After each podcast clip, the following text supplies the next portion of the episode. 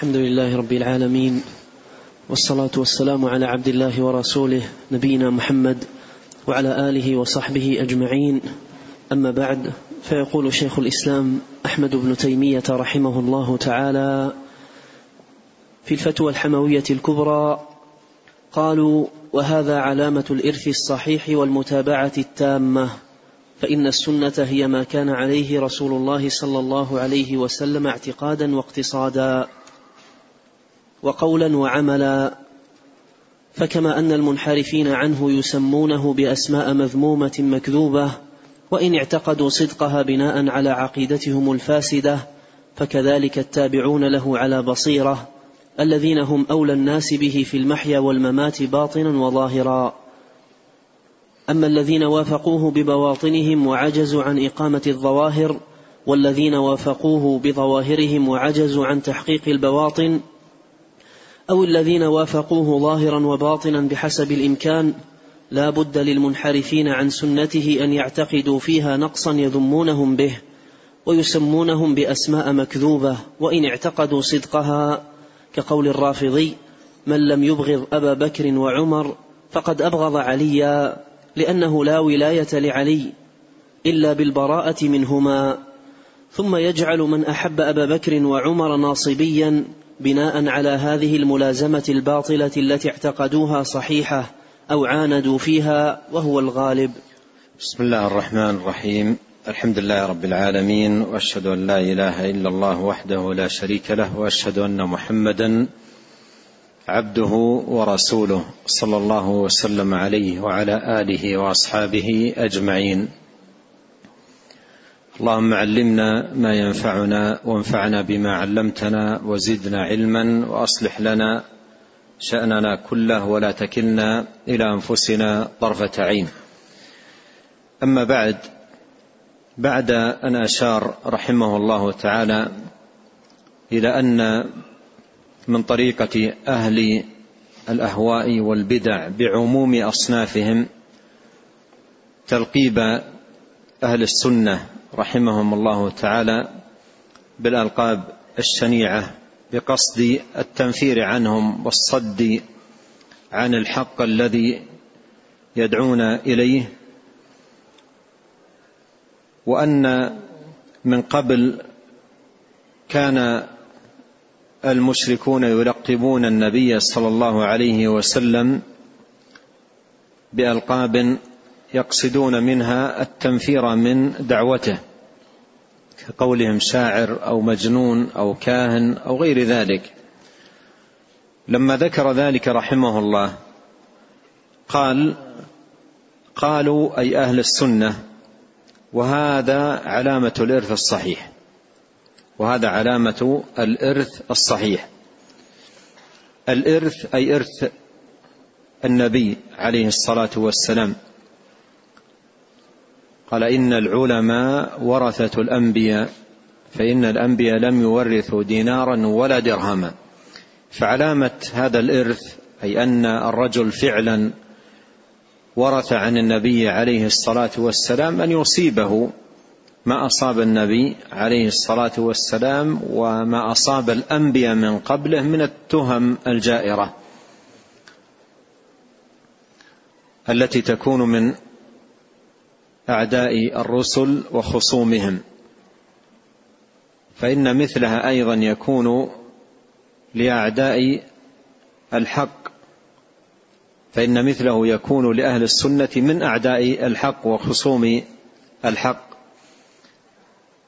قال وهذا علامة الإرث الصحيح والمتابعة التامة أي للنبي الكريم عليه الصلاة والسلام. قال فإن السنة هي ما كان عليه رسول الله صلى الله عليه وسلم اعتقادا واقتصادا وقولا وعملا. وهذا تبيان له تبيان منه رحمه الله تعالى لمن يكون حقا من أهل السنة لمن يكون حقا من أهل السنة. وأن السنة يكون الرجل من أهلها بالمظهر والمخبر بالقول والعمل بالعقيدة والشريعة. بهذا يكون صاحب سنة يكون متبعا سنة النبي صلى الله عليه وسلم قلبا وقالبا علما وعملا عقيدة وعبادة. يكون نهجه في ذلك كله نهج النبي الكريم صلوات الله وسلامه عليه. وقوله واقتصادا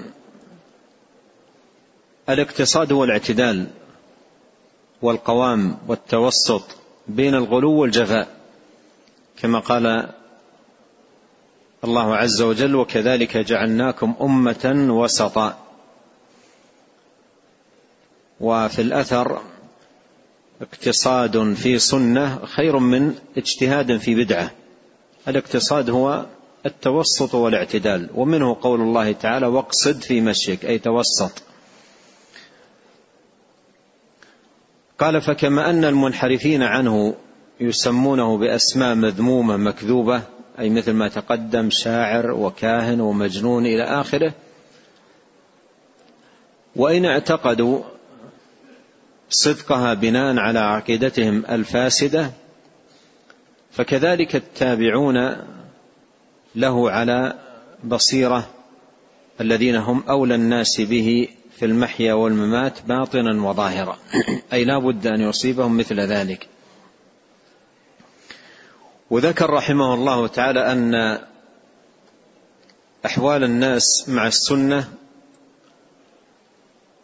ينقسمون إلى أربعة أقسام بينها رحمه الله تعالى. الأول وهم أهل السنة حقا وهم من كانوا على السنة اعتقادا واقتصادا وقولا وعملا قلبا وقالبا.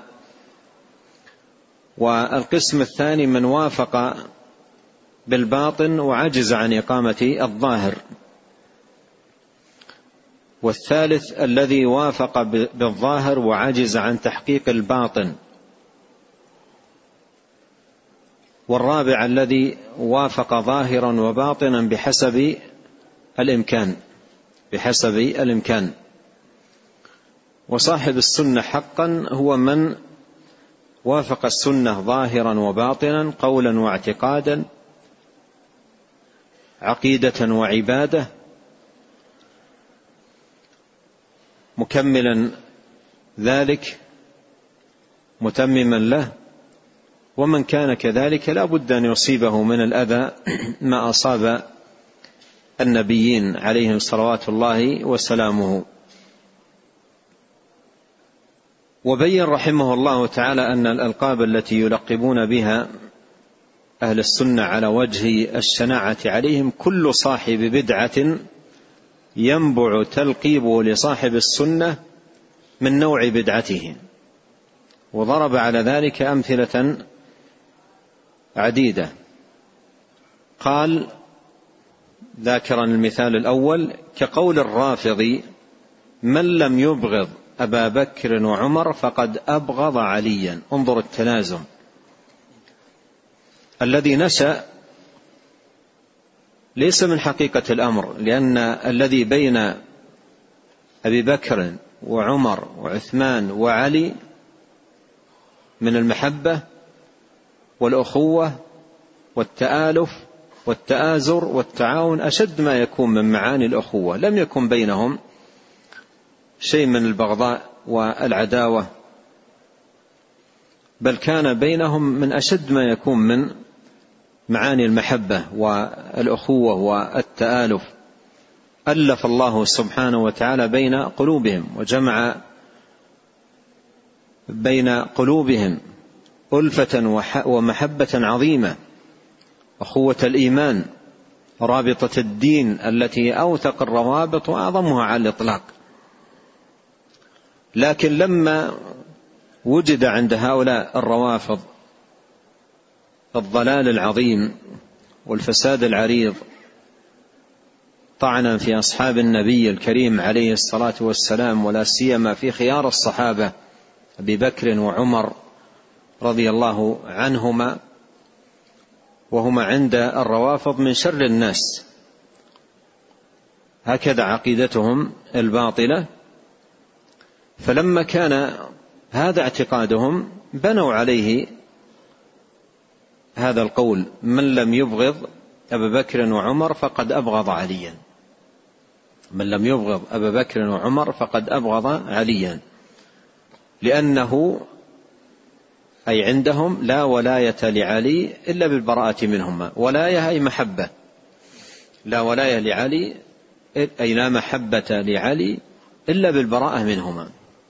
ولهذا مر معنا أن أنهم يقولون لا ولاء إلا ببراء لا ولاء لعلي إلا بالبراء من الشيخين أبي بكر وعمر.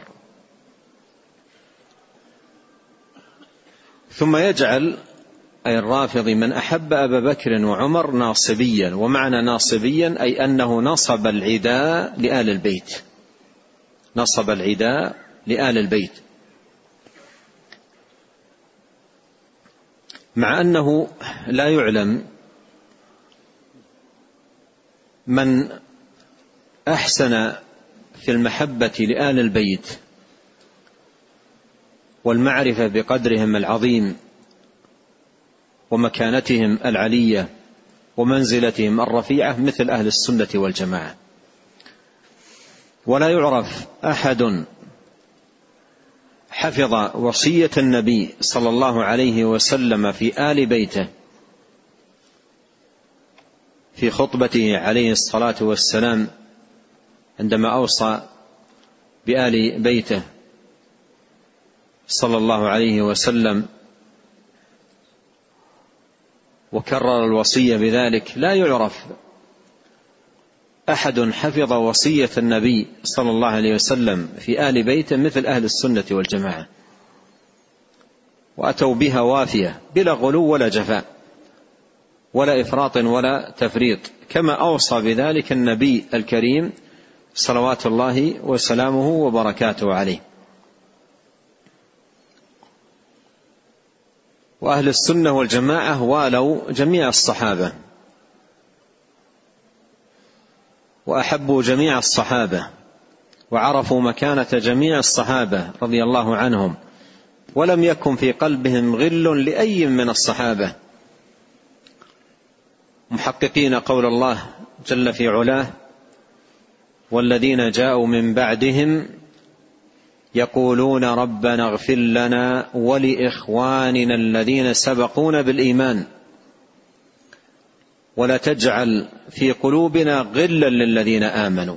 سبقونا بالإيمان. يدخل الصحابة من المهاجرين والأنصار في هذا السبق دخولا أوليا. كما قال الله السابقون الأولون من المهاجرين والأنصار والذين اتبعوهم بإحسان. الصحابة يدخلون دخولا اوليا فأهل السنة قلوبهم سليمة تجاه الصحابة كلهم وألسنتهم سليمة تجاه الصحابة رضي الله عنهم كلهم. ليس في قلوبهم غل وليس أيضا في ألسنتهم طعن أو وقيعة بل عمر الله قلوبهم بالمحبة. للصحابة. يحبون آل ال بيت النبي عليه الصلاة والسلام يحبون علي ويحبون فاطمة ويحبون الحسن ويحبون الحسين.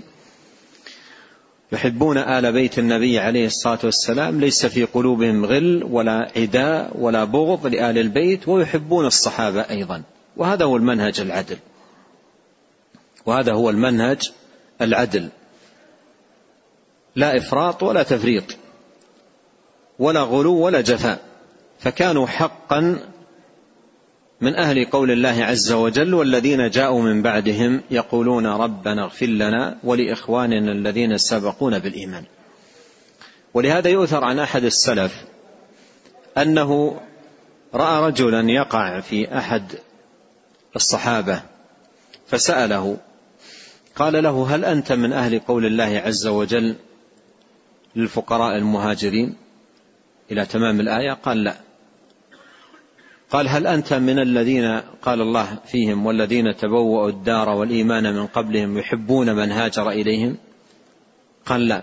قال إذا أنت لست من من قال الله عز وجل فيهم والذين جاءوا من بعدهم يقولون ربنا اغفر لنا ولإخواننا الذين سبقونا بالإيمان لأنك لا تستغفر لهم تطعن فيهم وتقع في وتقع فيهم وتسبهم فلست منهم. فالواجب تجاه الصحابة محبتهم أجمعين رضي الله عنهم وأرضاهم. وأما من يقول من لا يبغض أبا بكر وعمر لا يبغض علي الحق الحق يا أخوان وقيدوا هذه الكلمة أن من يبغض أبا بكر وعمر فهو يبغض علي. الذي يبغض أبا بكر وعمر رضي الله عنهما فهو مبغض لعلي. ومبغض للصحابة أجمعين. علي بن أبي طالب رضي الله عنه قال لا يبلغني أحد عن أحد يفضلني على أبي بكر وعمر إلا جلدته حد المفتري. لا يبلغني عن أحد يفضلني على أبي بكر وعمر إلا جلدته حد المفتري. فكيف بمن يبغض أبا بكر وعمر. ليس فقط يفضل علي على أبي بكر وعمر يبغض أبا بكر وعمر. فمن يبغض أبو بكر وعمر؟ هو في الحقيقة مبغض لعلي ومبغض للحسن ومبغض للحسين ومبغض لفاطمة ومبغض للصحابة أجمعين. الصحابة كلهم جمعهم الله عز وجل وألف قلوبهم على الإيمان والتقوى. إذا هذه القاعدة من لم يبغض أبا بكر وعمر فقد أبغض عليا من أين نشأت؟ من أين نشأت القاعدة؟ من لم يبغض أبا بكر وعمر فقد أبغض عليا. من أين نشأت؟ نشأت من مرض القلب. من نشأت هذه البدعة من مرض القلب بالأهواء الخبيثة المتراكمة. فتنشأ مثل هذه القواعد الفاسدة الباطلة. من لم يبغض أبا بكر وعمر فقد أبغض عليا. لكن القاعدة على القاعدة لا تكون صحيحة إلا إذا قيل من يبغض أبا بكر وعمر فقد أبغض عليا. لأن الصحابة كلهم على الائتلاف والمحبة والتآخي والتعاون.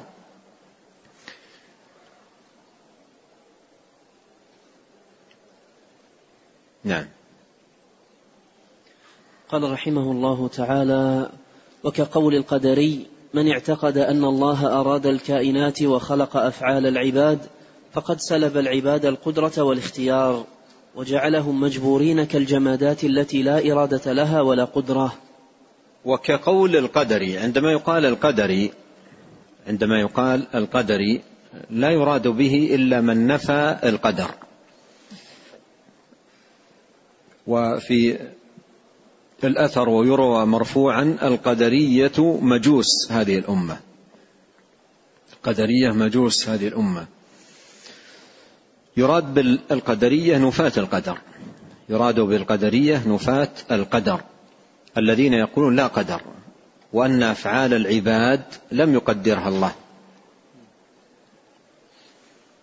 وسمي هؤلاء مجوس هذه الأمة لأن المجوس يقولون بخالقين والقدرية مثلهم.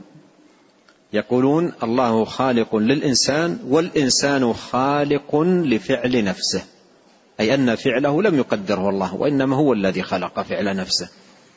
دون أن يقدر دون أن يقدر الله فعله فعله.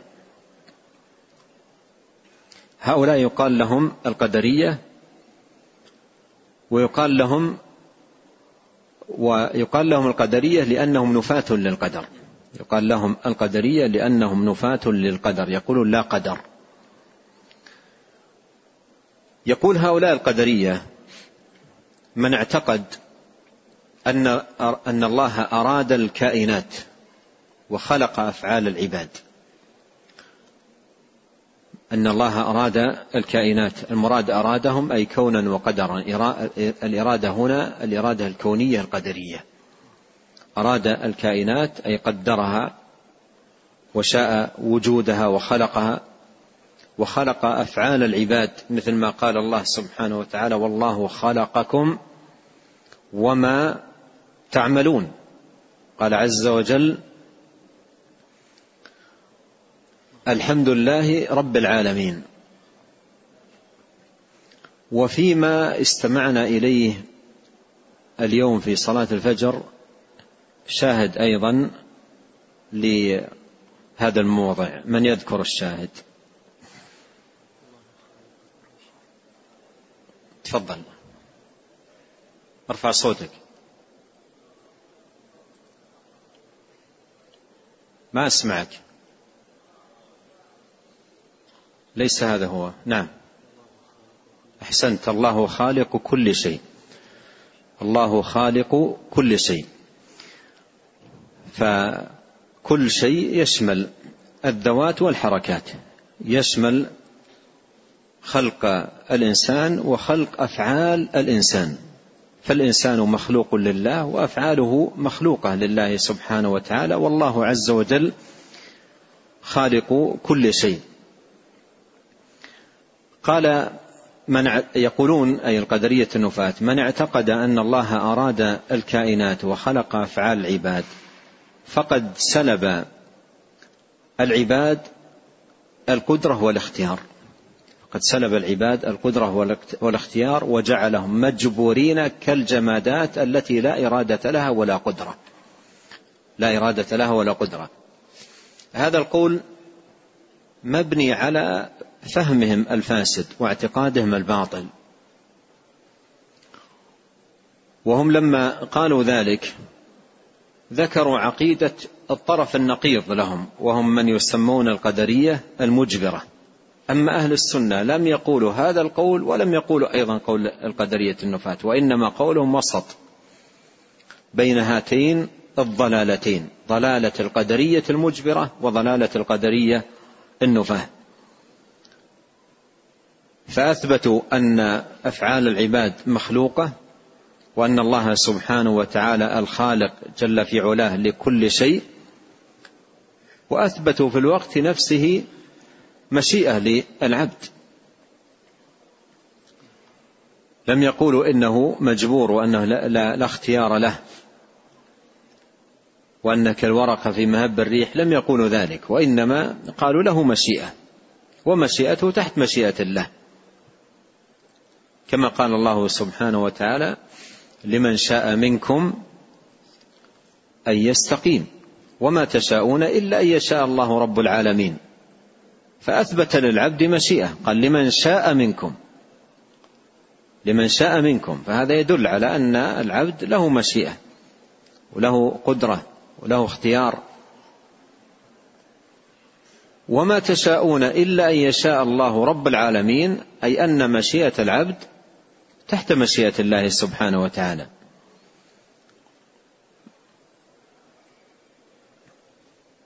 نعم. قال رحمه الله تعالى وكقول الجهمي من قال إن الله فوق العرش فقد زعم أنه محصور وأنه جسم مركب وأنه مشابه لخلقه. قال وكقول الجهمي المراد بالجهمي أي من ينفي الصفات صفات الله سبحانه وتعالى. من قال إن الله يقول الجهمي من قال إن الله فوق العرش. فقد زعم أنه محصور وأنه جسم مركب وأنه مشابه لخلقه. هذا كله مبني على اعتقاد الجهمية الفاسد.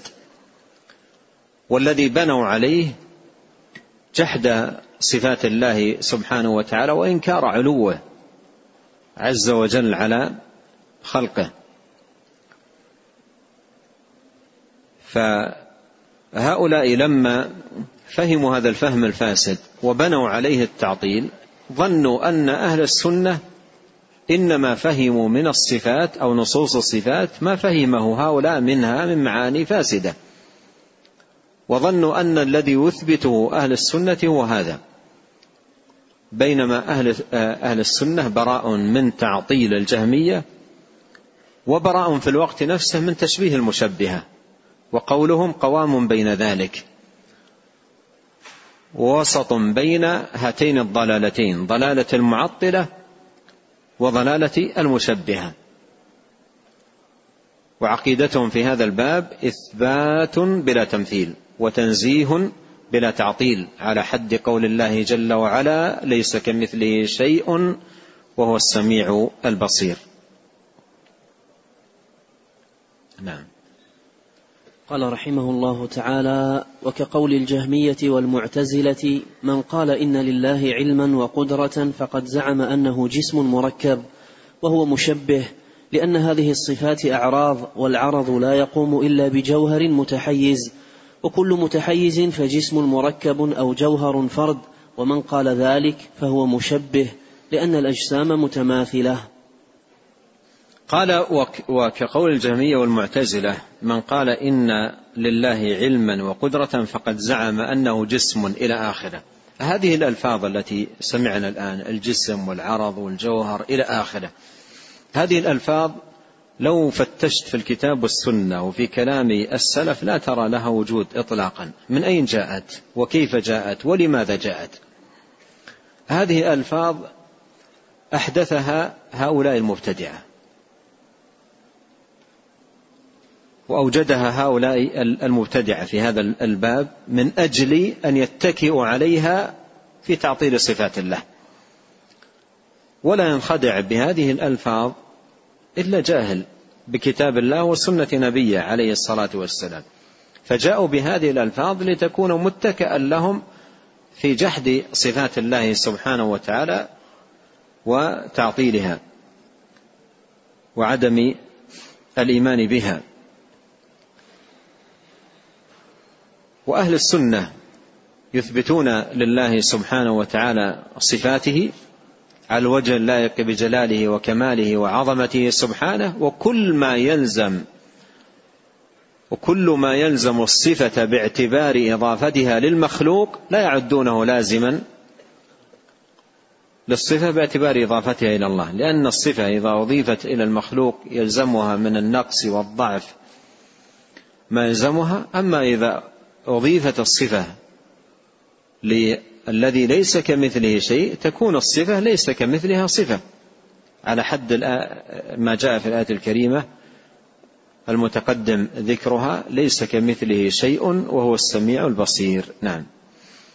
قال رحمه الله تعالى ومن حكى عن الناس المقالات وسماهم بهذه الأسماء المكذوبة بناء على عقيدتهم التي هم مخالفون له فيها فهو وربه والله من ورائه بالمرصاد ولا يحق المكر السيء إلا بأهله. لما ذكر عن هؤلاء أصحاب هذه المقالات وطريقتهم هذه في التسمية لمن خالف عقيدتهم بناء على فهمهم هم للعقيدة لا بناء على عقيدة من يتهمونه بهذه الألقاب. لننتبه لهذا. يعني أهل البدع عندما يلقبون أهل السنة والجماعة بالألقاب الشنيعة يلقبونهم بهذه الألقاب بناء على ما فهموه هم من أن هذه عقيدة أهل السنة والجماعة. أما عقيدة أهل السنة شيء آخر وراء هذا الفهم الفاسد الذي قام في نفوس هؤلاء المبتدعة الضلال. قد برأ الله سبحانه وتعالى آه، أهل آه، السنة من ذلك كله. وسبحان الله انتبه إلى هذه اللطيفة. النبي عليه الصلاة والسلام كان المشركون يقولون مذمم ما يقولون محمد. يقولون مذمم لا يقولون محمد. ثم يسبون مذمم ويشتمون مذمما. فيقول عليه الصلاة والسلام يقول انظروا كيف صرف الله عني سبهم. يسبون مذمما وأنا محمد. يقول يسبون مذمما وأنا محمد. يقول انظروا كيف صرف الله عني شتمهم دائما يقولون مذمم مذمم ويشتمون مذمما.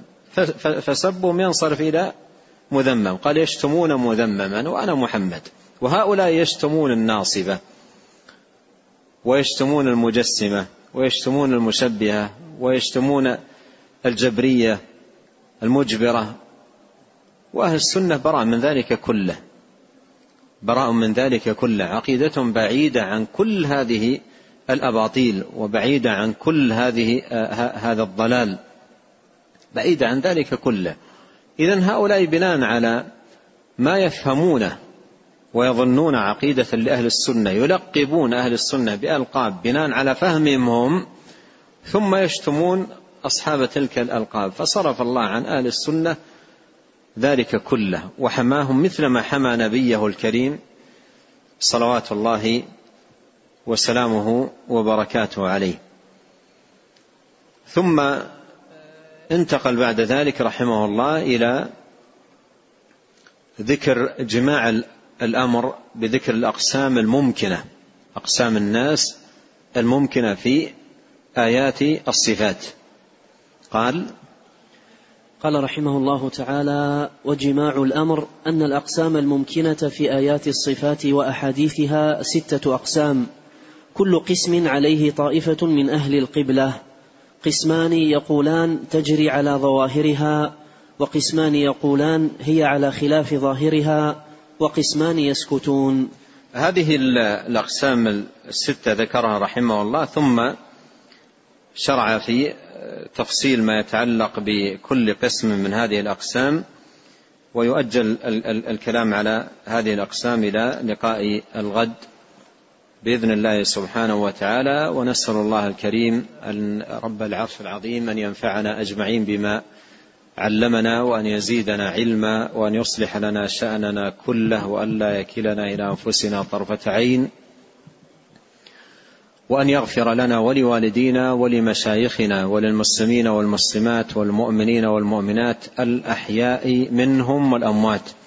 اللهم آت نفوسنا تقواها وزكها أنت خير من زكاها أنت وليها ومولاها. اللهم إنا نسألك الهدى والتقى والعفة والغنى. اللهم أصلح لنا ديننا الذي وعصمه أمرنا وأصلح لنا دنيانا التي فيها معاشنا. واصلح لنا آخرتنا التي فيها معادنا واجعل الحياة زيادة لنا في كل خير والموت راحة لنا من كل شر. اللهم آت نفوسنا تقواها وزكها أنت خير من زكاها أنت وليها ومولاها. اللهم اقسم لنا من خشيتك ما يحول بيننا وبين معاصيك ومن طاعتك ما تبلغنا به جنتك ومن اليقين ما تهون به علينا مصائب الدنيا. اللهم متعنا بأسماعنا وأبصارنا وقوتنا ما أحييتنا واجعله الوارث منا واجعل ثأرنا على من ظلمنا وانصرنا على من عادانا. ولا تجعل مصيبتنا في ديننا ولا تجعل الدنيا أكبر همنا ولا مبلغ علمنا. ولا تسلط علينا من لا يرحمنا. سبحانك اللهم وبحمدك أشهد أن لا إله إلا أنت. أستغفرك وأتوب إليك. اللهم صل وسلم على عبدك ورسولك نبينا محمد وآله وصحبه.